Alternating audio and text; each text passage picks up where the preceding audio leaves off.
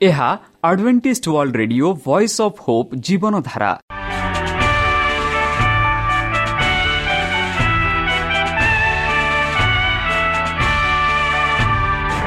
Odia radio କାର୍ଯ୍ୟକ୍ରମ ଯାହା ଆମର ଆନ୍ତର୍ଜାତୀୟ ଆଘାତ କେନ୍ଦ୍ରରୁ ପ୍ରସାରଣ କରାଯାଉଛି ପ୍ରତିଦିନ ରାତି ନଅଟା ତିରିଶ ମିନିଟ୍ରେ। ମୁଁ ସୁବ୍ରତ କୁମାର ପତି ପ୍ରେମର ସହ ଆପଣମାନଙ୍କୁ ଏହି କାର୍ଯ୍ୟକ୍ରମକୁ ସ୍ୱାଗତ କରୁଅଛି। ଚାଲନ୍ତୁ ଆଜିର ତିରିଶ ମିନିଟ୍ର କାର୍ଯ୍ୟକ୍ରମ ବିଷୟରେ ଜାଣିନେବା। ପ୍ରଥମେ ରଖିଛୁ ଆଧ୍ୟାତ୍ମିକ ଭକ୍ତିମୟ ଗୀତ। ଏହାପରେ ଶୁଣିବା ସ୍ୱାସ୍ଥ୍ୟ ବିଷୟରେ ଯାହା ଆମର ଦୈନିକ ଜୀବନରେ ଅତ୍ୟନ୍ତ ଜରୁରୀ। ଆଉ ପରିଶେଷରେ ଶୁଣିବା ପରମେଶ୍ୱରଙ୍କ ଭକ୍ତଙ୍କଠାରୁ ଜୀବନଦାୟକ ଈଶ୍ୱରଙ୍କ ବାକ୍ୟ। ପ୍ରିୟ ଶ୍ରୋତା ତାହେଲେ ଚାଲନ୍ତୁ ଶୁଣିବା ଏକ ଆଧ୍ୟାତ୍ମିକ ଭକ୍ତିମୟ ଗୀତ।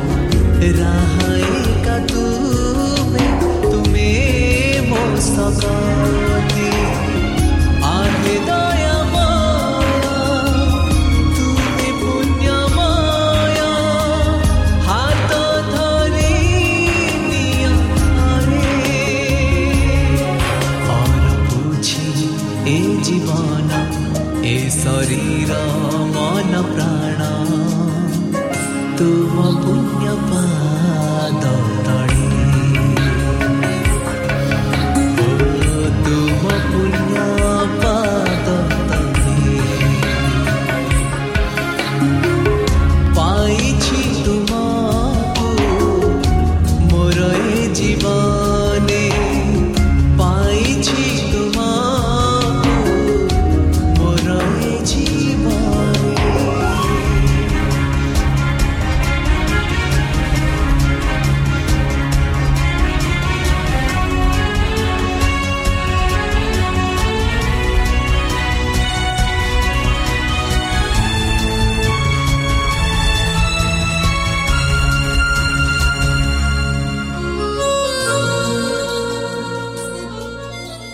ଆପଣଙ୍କର ମତାମତ ଜଣାଇବା ପାଇଁ ଆମର ଏହି ଠିକଣାରେ ଯୋଗାଯୋଗ କରନ୍ତୁ ଆମ ଠିକଣା Adventist Media Centre SDA mission compound Salisbury Park Pune ଚାରି ଏକ ଏକ ଶୂନ ତିନି ସାତ ମହାରାଷ୍ଟ୍ର ବା ଖୋଲନ୍ତୁ ଆମର ୱେବସାଇଟ୍ ଯେକୌଣସି Android phone smartphone desktop laptop କିମ୍ବା ଟ୍ୟାବ୍ଲେଟ୍ ଆମର website W W W dot A W R dot O R G slash O R I ଏବଂ W W W dot Adventist media centre India dot O R G ବର୍ତ୍ତମାନ ଚାଲନ୍ତୁ ଶୁଣିବା ଈଶ୍ୱରଙ୍କ ଭକ୍ତଙ୍କଠାରୁ ଈଶ୍ୱରଙ୍କ ଜୀବନଦାୟକ ବାକ୍ୟ।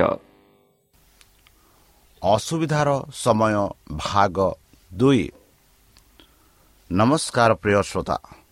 ସେହି ସର୍ବଶକ୍ତି ସର୍ବଜ୍ଞାନୀ ପ୍ରେମର ସାଗର ଦୟାମୟ ଅନ୍ତର୍ଜମୀ ଅନୁଗ୍ରହ ପରମ ପିତାଙ୍କ ମଧୁର ନାମରେ ମୁଁ ପାଷ୍ଟ ପୂର୍ଣ୍ଣଚନ୍ଦ୍ର ଆଉ ଥରେ ଆପଣମାନଙ୍କୁ ଏହି କାର୍ଯ୍ୟକ୍ରମରେ ସ୍ୱାଗତ କରୁଅଛି।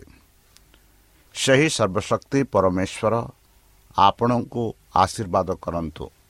ଆପଣଙ୍କୁ ସମସ୍ତ ପ୍ରକାର ଦୁଃଖ କଷ୍ଟ ବାଧା କ୍ଲେଶ ଓ ରୋଗରୁ ଦୂରେଇ ରଖନ୍ତୁ। ଶତ୍ରୁ ସୟତାନ ହସ୍ତରୁ ସେ ଆପଣଙ୍କୁ ସୁରକ୍ଷାରେ ରଖନ୍ତୁ। ତାହାଙ୍କ ପ୍ରେମ ତାହାଙ୍କ ସ୍ନେହ ତାହାଙ୍କ କୃପା ତାହାଙ୍କ ଅନୁଗ୍ରହ ସଦାସର୍ବଦା ଆପଣଙ୍କଠାରେ ସହବର୍ତ୍ତୀ ରହୁ ପ୍ରିୟସତା ଚାଲନ୍ତୁ ଆଜି ଆମ୍ଭେମାନେ କିଛି ସମୟ ପବିତ୍ର ଶାସ୍ତ୍ର ବାଇବଠୁ ତାହାଙ୍କ ଜୀବନଦାୟକ ବାକ୍ୟ ଧ୍ୟାନ କରିବା ଆଜିର ଆଲୋଚନା ହେଉଛି ଅସୁବିଧାର ସମୟ ଭାଗ ଦୁଇ ଭାଗ ଏକ ଗତକାଲି ଆମେ ଆଲୋଚନା କରିଥିଲୁ ଜାଣନ୍ତୁ ଏହି ଆଲୋଚନାକୁ ଆଜି ଆମେ ଆଗକୁ ବଢ଼େଇବା। ଯେପରିକି ଆମେ ଏହି ଶେଷ ସମୟରେ ବାସ କରୁଅଛୁ ଆଉ ଏହି ଶେଷ ସମୟରେ କି ପ୍ରକାର ଅସୁବିଧାରେ ଆମେ ସମ୍ମୁଖୀନ କରିବା ଆଉ ଆମେ କିପରି ନିଜକୁ ପ୍ରସ୍ତୁତ କରିପାରିବା ତାହା ବିଷୟରେ ଆଜି ଆମେ ଶିଖିବା। ବନ୍ଧୁ କେବଳ ଯେଉଁମାନେ ଶାସ୍ତ୍ରର ପରିଶ୍ରମ ଛାତ୍ର ଏବଂ ଯେଉଁମାନେ ସତ୍ୟର ପ୍ରେମ ପାଇଛନ୍ତି ସେମାନେ ହିଁ ବିଶ୍ୱକୁ ବନ୍ଦୀ କରୁଥିବା ଶକ୍ତିଶାଳୀ ଭ୍ରମରୁ ରକ୍ଷା ପାଇବେ।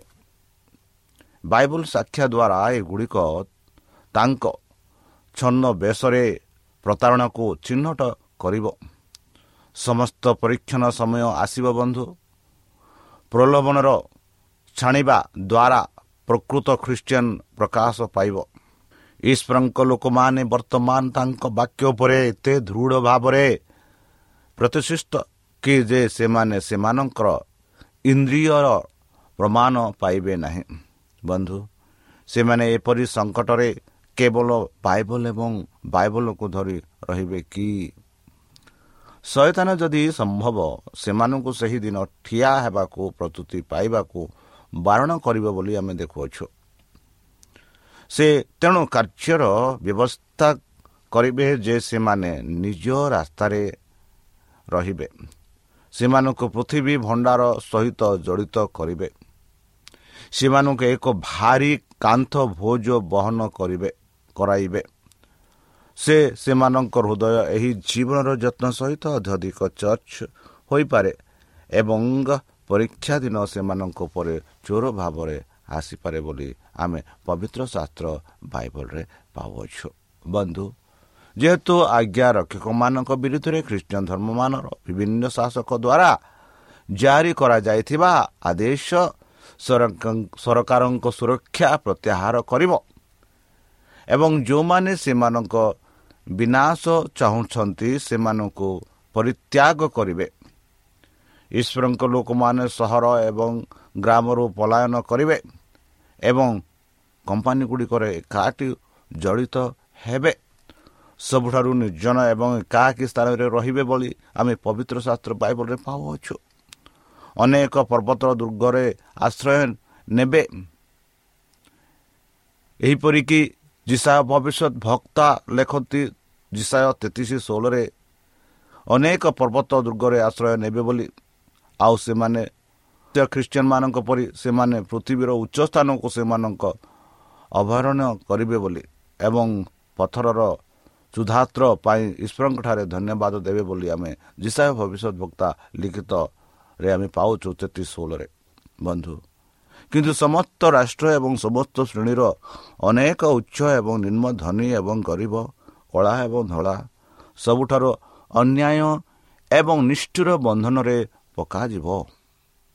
ଈଶ୍ୱରଙ୍କ ପ୍ରିୟ କାନ୍ଥ ଦିନ ଅଳିକ୍ରମ କରନ୍ତି ଶୃଙ୍ଖଳରେ ବନ୍ଧା ଜେଲ୍ ବାର ଦ୍ୱାରା ବନ୍ଧ ନିହତ ହେବାକୁ ଦଣ୍ଡିତ କେତେକ ବୋଧ ହୁଏ ଅନ୍ଧକାର ଏବଂ ଘୃଣ୍ୟ ଅନ୍ଧକ କୋଠରୀରେ ଅନାହାରରେ ମରେଇବାକୁ ଛାଡ଼ି ଦିଆଯିବ ସେମାନଙ୍କର କ୍ରନ୍ଧନ ଶୁଣା ଶୁଣିବା ପାଇଁ କୌଣସି ମାନବ କାରଣ ଖୋଲା ରହିବ ନାହିଁ କୌଣସି ମାନବ ହାତ ସେମାନଙ୍କୁ ସାହାଯ୍ୟ କରିବାକୁ ପ୍ରସ୍ତୁତ ହେବେ ନାହିଁ ବନ୍ଧୁ ଏହିପରି ସମୟ ଆସୁଅଛି ଏହି ଚେଷ୍ଟା ସମୟରେ ପ୍ରଭୁ ତାଙ୍କ ଲୋକଙ୍କୁ ଭୁଲିଯିବେ ନାହିଁ ବନ୍ଧୁ ଭୁଲିଯିବେ ନାହିଁ।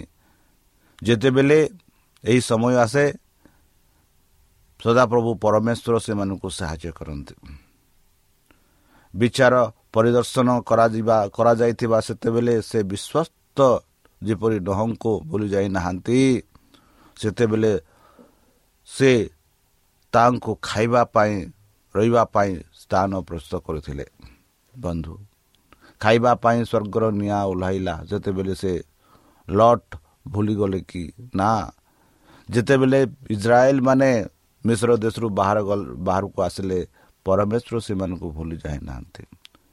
ଏହିପରି ଆମେ ପବିତ୍ର ଶାସ୍ତ୍ରରେ ପାଉଅଛୁ। ଅନେକ ଲୋକେ ଯେଉଁମାନେ ଈଶ୍ୱରଙ୍କୁ ପ୍ରେମ କରୁଥିଲେ ତାଙ୍କ ଆଜ୍ଞା ମାନୁଥିଲେ ସମସ୍ତଙ୍କୁ କେବେ ହେଲେ ପରମେଶ୍ୱର ଛାଡ଼ି ନାହାନ୍ତି ବରଂ ସେମାନଙ୍କୁ ସୁରକ୍ଷାରେ ରଖିଥିଲେ।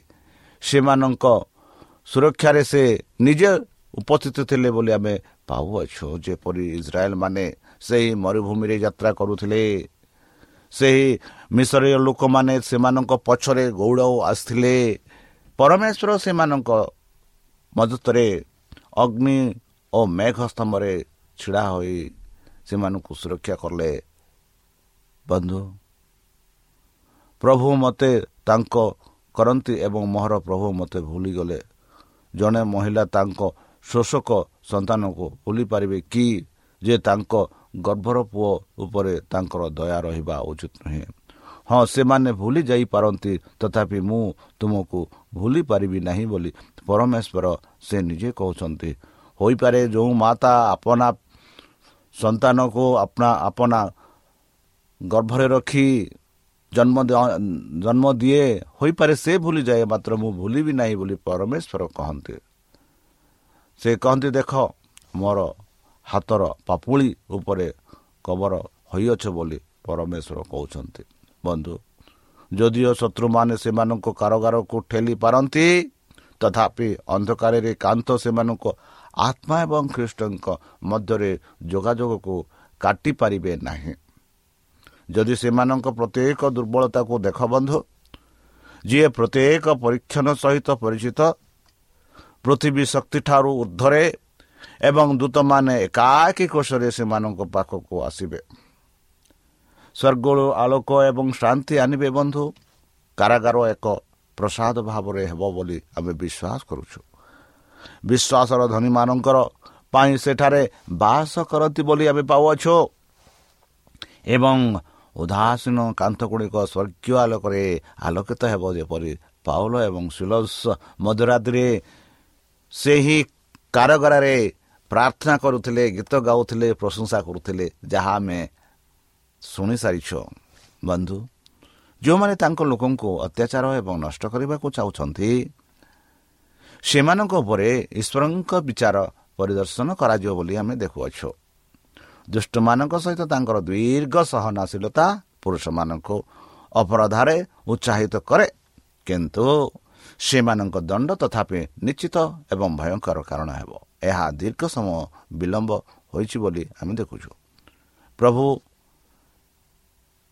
ଯେପରି ଆମମାନଙ୍କୁ ପ୍ରେମ କରନ୍ତି ସେହି ପ୍ରେମକୁ ଆମମାନଙ୍କୁ ସେହି ପ୍ରେମରେ ଏମାନଙ୍କୁ ନିଅନ୍ତି। ଜିସାହ ଭବିଷ୍ୟତ ବକ୍ତା ଲେଖନ୍ତି ଜିସାୟ ଅଠାଇଶ ଏକୋଇଶରେ ସେ ଏହିପରି ଲେଖନ୍ତି ପ୍ରଭୁ ସେହି ପର୍ବତ ପରି ଉଠିବେ। ସେ ଗିବିୟନ ଉପତ୍ୟାଗ କରି ପ୍ରେରିତ ହେବେ ଯେ ତାଙ୍କର କାର୍ଯ୍ୟ ତାଙ୍କର ଅଭୂତ କାର୍ଯ୍ୟ କରିପାରନ୍ତି ଏବଂ ତାଙ୍କ କାର୍ଯ୍ୟ ତାଙ୍କର ଅଭୂତ କାର୍ଯ୍ୟ ପାସ୍ କରିବାକୁ ଆସନ୍ତୁ ବୋଲି ଆମେ ଦେଖୁଅଛୁ। ବନ୍ଧୁ ଆମର ଦୟାଳୁ ଈଶ୍ୱର ଆମ ଦଣ୍ଡର କାର୍ଯ୍ୟ ଏକ ଅଭୂତ କାର୍ଯ୍ୟ। ବନ୍ଧୁ ମୁଁ ବଞ୍ଚିବା ବେଳେ ଈଶ୍ୱରଙ୍କୁ ପବିତ୍ର କର।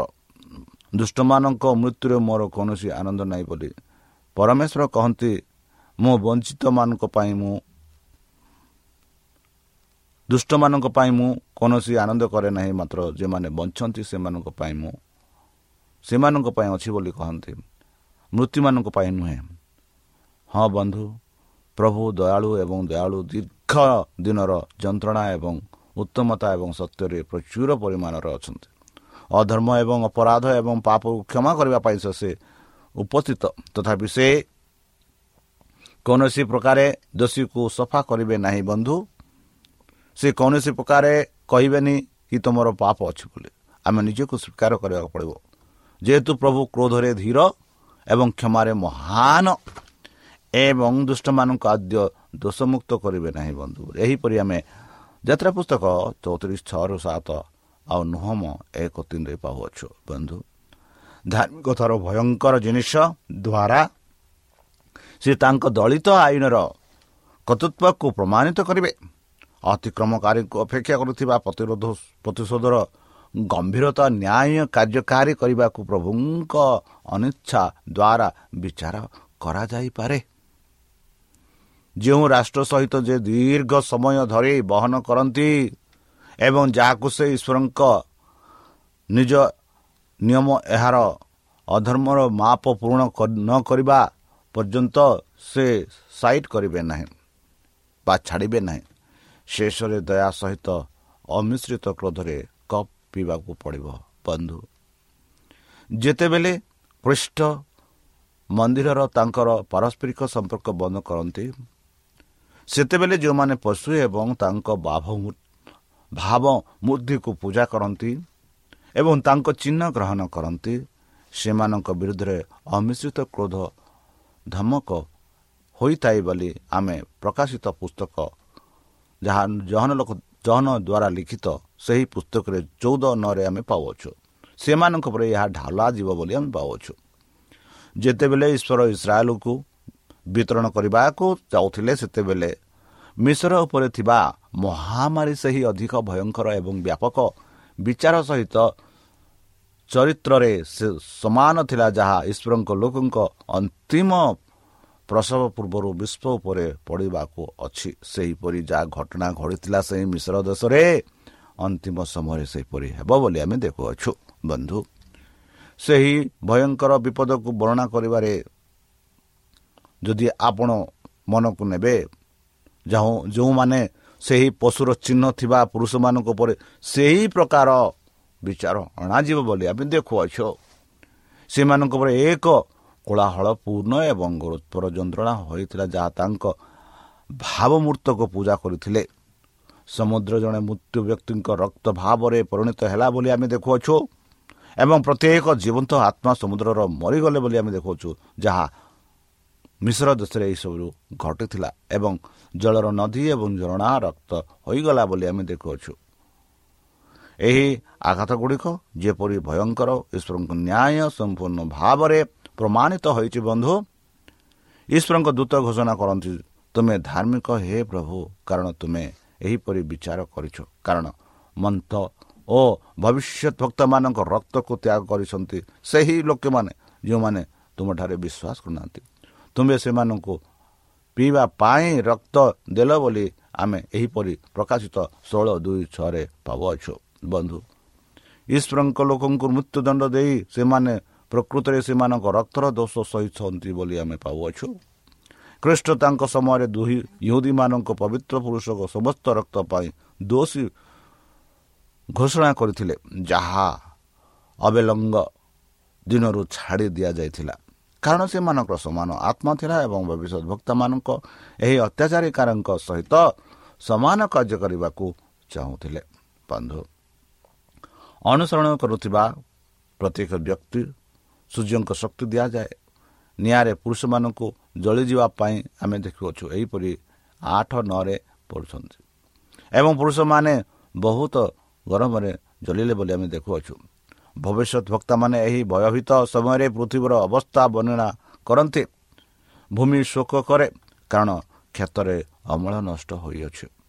କ୍ଷେତର ସମସ୍ତ ଗଛ ଶୁଖିଯାଇଛି କାରଣ ପୁରୁଷମାନଙ୍କ ପୁଅମାନଙ୍କର ଆନନ୍ଦ ଶୁଖିଯାଏ। ମଞ୍ଜି ସେମାନଙ୍କ କୋଟ୍ ତଳେ ପଡ଼ିଯାଇଛି ଗାନ ଗୁଡ଼ିକ ନିଜର ହୋଇଛି। ପଶୁମାନେ କିପରି କ୍ରନ୍ଧନ କରନ୍ତି? ଗୁରୁମାନରେ ଗୁରୁମାନେ ବିଚ୍ଛନ୍ନ କାରଣ ସେମାନଙ୍କୁ କୌଣସି ଗୋଚର ନାହିଁ।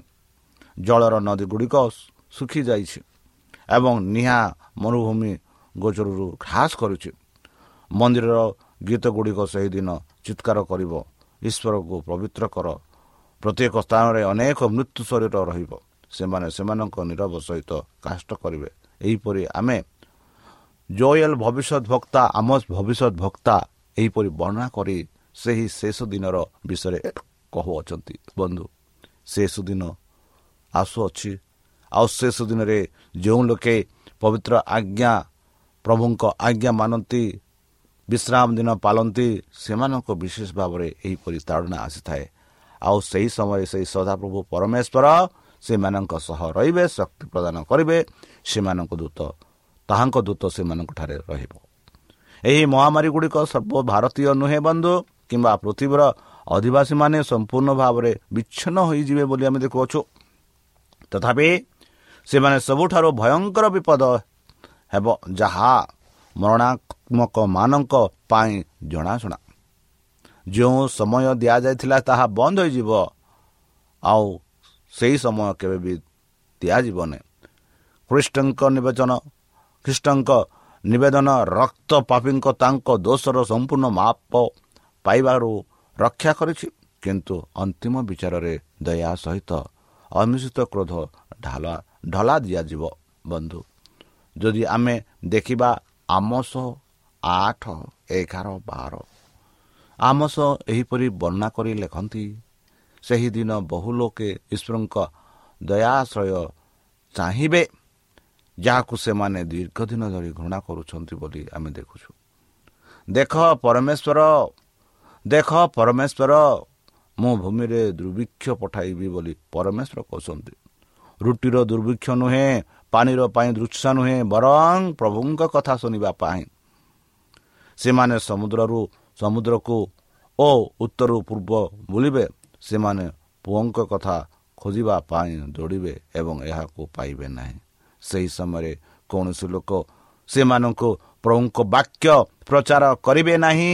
କି କାରଣ ସେମାନେ ସେମାନଙ୍କ ଦ୍ୱାରା କାରଗରରେ ଫିଙ୍ଗା ଯାଇଛନ୍ତି। ଏହିପରି ଆମସ ଆଠ ଏଗାର ବାରରେ ପାଉଅଛୁ। ବନ୍ଧୁ ଈଶ୍ୱରଙ୍କ ଲୋକମାନେ ଯନ୍ତ୍ରଣାରୁ ମୁକ୍ତ ହେବେ ନାହିଁ କିନ୍ତୁ ନିର୍ଯାତିତ ଏବଂ ଦୁଃଖିତର ଥିବାବେଳେ ଯେତେବେଳେ ସେମାନେ ସହିଥାନ୍ତି ସେହି ଭାବନା ସେହି କଷ୍ଟ ଏବଂ ଖାଦ୍ୟ ଅଭାବରୁ ଯନ୍ତ୍ରଣା ଭୋଗୁଛନ୍ତି ସେମାନେ ନଷ୍ଟ ହେବାକୁ ଛାଡ଼ିବେ ନାହିଁ। ପ୍ରଭୁ ସେମାନଙ୍କୁ ନଷ୍ଟ ହେବାକୁ ଛାଡ଼ିବେ ନାହିଁ। ସେହି ଈଶ୍ୱର ସେହି ଏଜିକଲ ଯତ୍ନ ଦେଇଥିଲେ ଯେ କି ତାଙ୍କର ଜଣେ ଆତ୍ମତ୍ୟାଗୀ ପିତାମାନଙ୍କ ଦ୍ୱାରା ଅତିକ୍ରମ କରିବେ ନାହିଁ ବୋଲି ଆମେ ପାଉଅଛୁ। ଯିଏ ସେମାନଙ୍କ ମୁଣ୍ଡର କେଶକୁ ସଂଖ୍ୟା କରେ ବା ମୁଣ୍ଡର କେଶ କେତେ ଅଛି ସେହି ପରମେଶ୍ୱର ଜାଣିଛନ୍ତି ସେମାନେ ସେମାନଙ୍କ ଯତ୍ନ ନେବେ ବୋଲି ଆମେ ପବିତ୍ର ଶାସ୍ତ୍ର ବାଇବଲରେ ପାଉଛୁ ସେମାନଙ୍କୁ ଏବଂ ଦୁର୍ଭିକ୍ଷ ସମୟରେ ସେମାନଙ୍କ ସନ୍ତୁଷ୍ଟ ହେବେ ବୋଲି ଆମେ ପବିତ୍ର ଶାସ୍ତ୍ର ବାଇବଲରେ ପାଉଛୁ।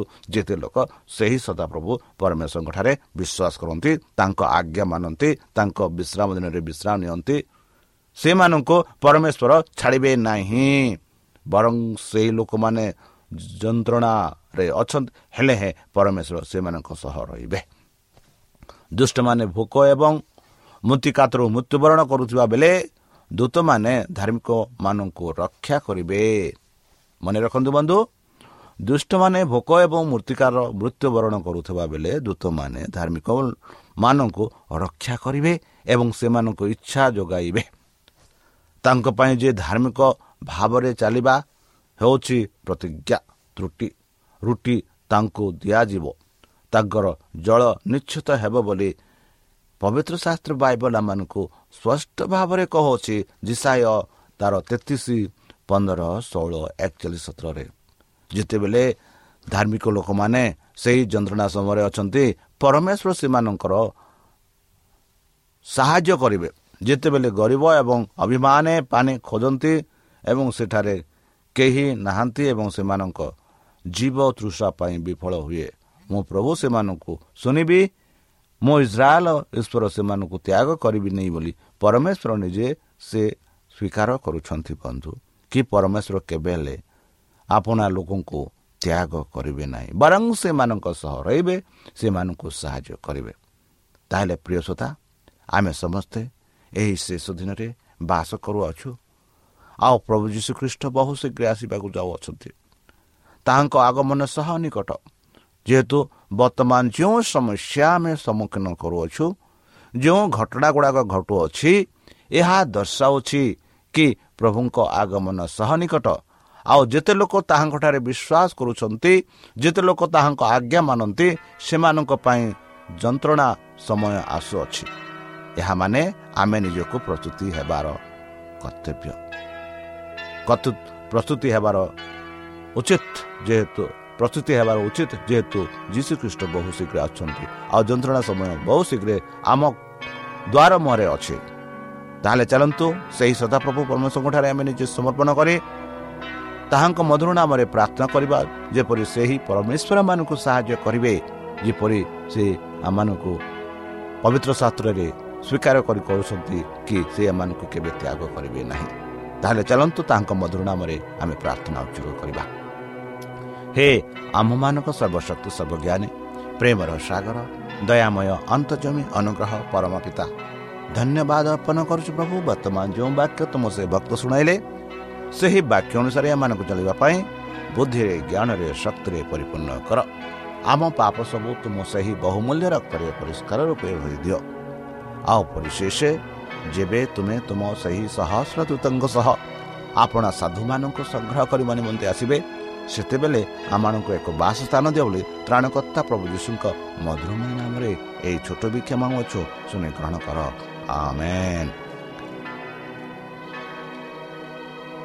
ପ୍ରିୟ ଶ୍ରୋତା ଆମେ ଆଶା କରୁଛୁ ଯେ ଆମର କାର୍ଯ୍ୟକ୍ରମ ଆପଣମାନଙ୍କୁ ପସନ୍ଦ ଲାଗୁଥିବ। ଆପଣଙ୍କର ମତାମତ ଜଣାଇବା ପାଇଁ ଆମର ଏହି ଠିକଣାରେ ଯୋଗାଯୋଗ କରନ୍ତୁ। ଆମ ଠିକଣା Adventist Media Centre SDA mission compound Salisbury Park Pune ଚାରି ଏକ ଏକ ଶୂନ ତିନି ସାତ ମହାରାଷ୍ଟ୍ର ବା ଖୋଲନ୍ତୁ ଆମର ୱେବସାଇଟ୍ ଯେକୌଣସି Android phone smartphone desktop laptop କିମ୍ବା ଟ୍ୟାବ୍ଲେଟ୍ ଆମର website W W W dot A W R dot O R G slash O R I ଏବଂ W W W dot Adventist media centre India dot O R G Adventist media centre ଇଣ୍ଡିଆର spelling ହେଉଛି A D V E N T I S T M E D I A C E N T R E I N D I A ଅଥବା download କରନ୍ତୁ ଆମର mobile app ଆପଣଙ୍କର mobile play ଷ୍ଟୋରକୁ ଯାଆନ୍ତୁ ଆଉ type କରନ୍ତୁ the voice of Hope ଆଉ download କରନ୍ତୁ ଈଶ୍ୱର ଆପଣଙ୍କୁ ଆଶୀର୍ବାଦ କରନ୍ତୁ ଧନ୍ୟବାଦ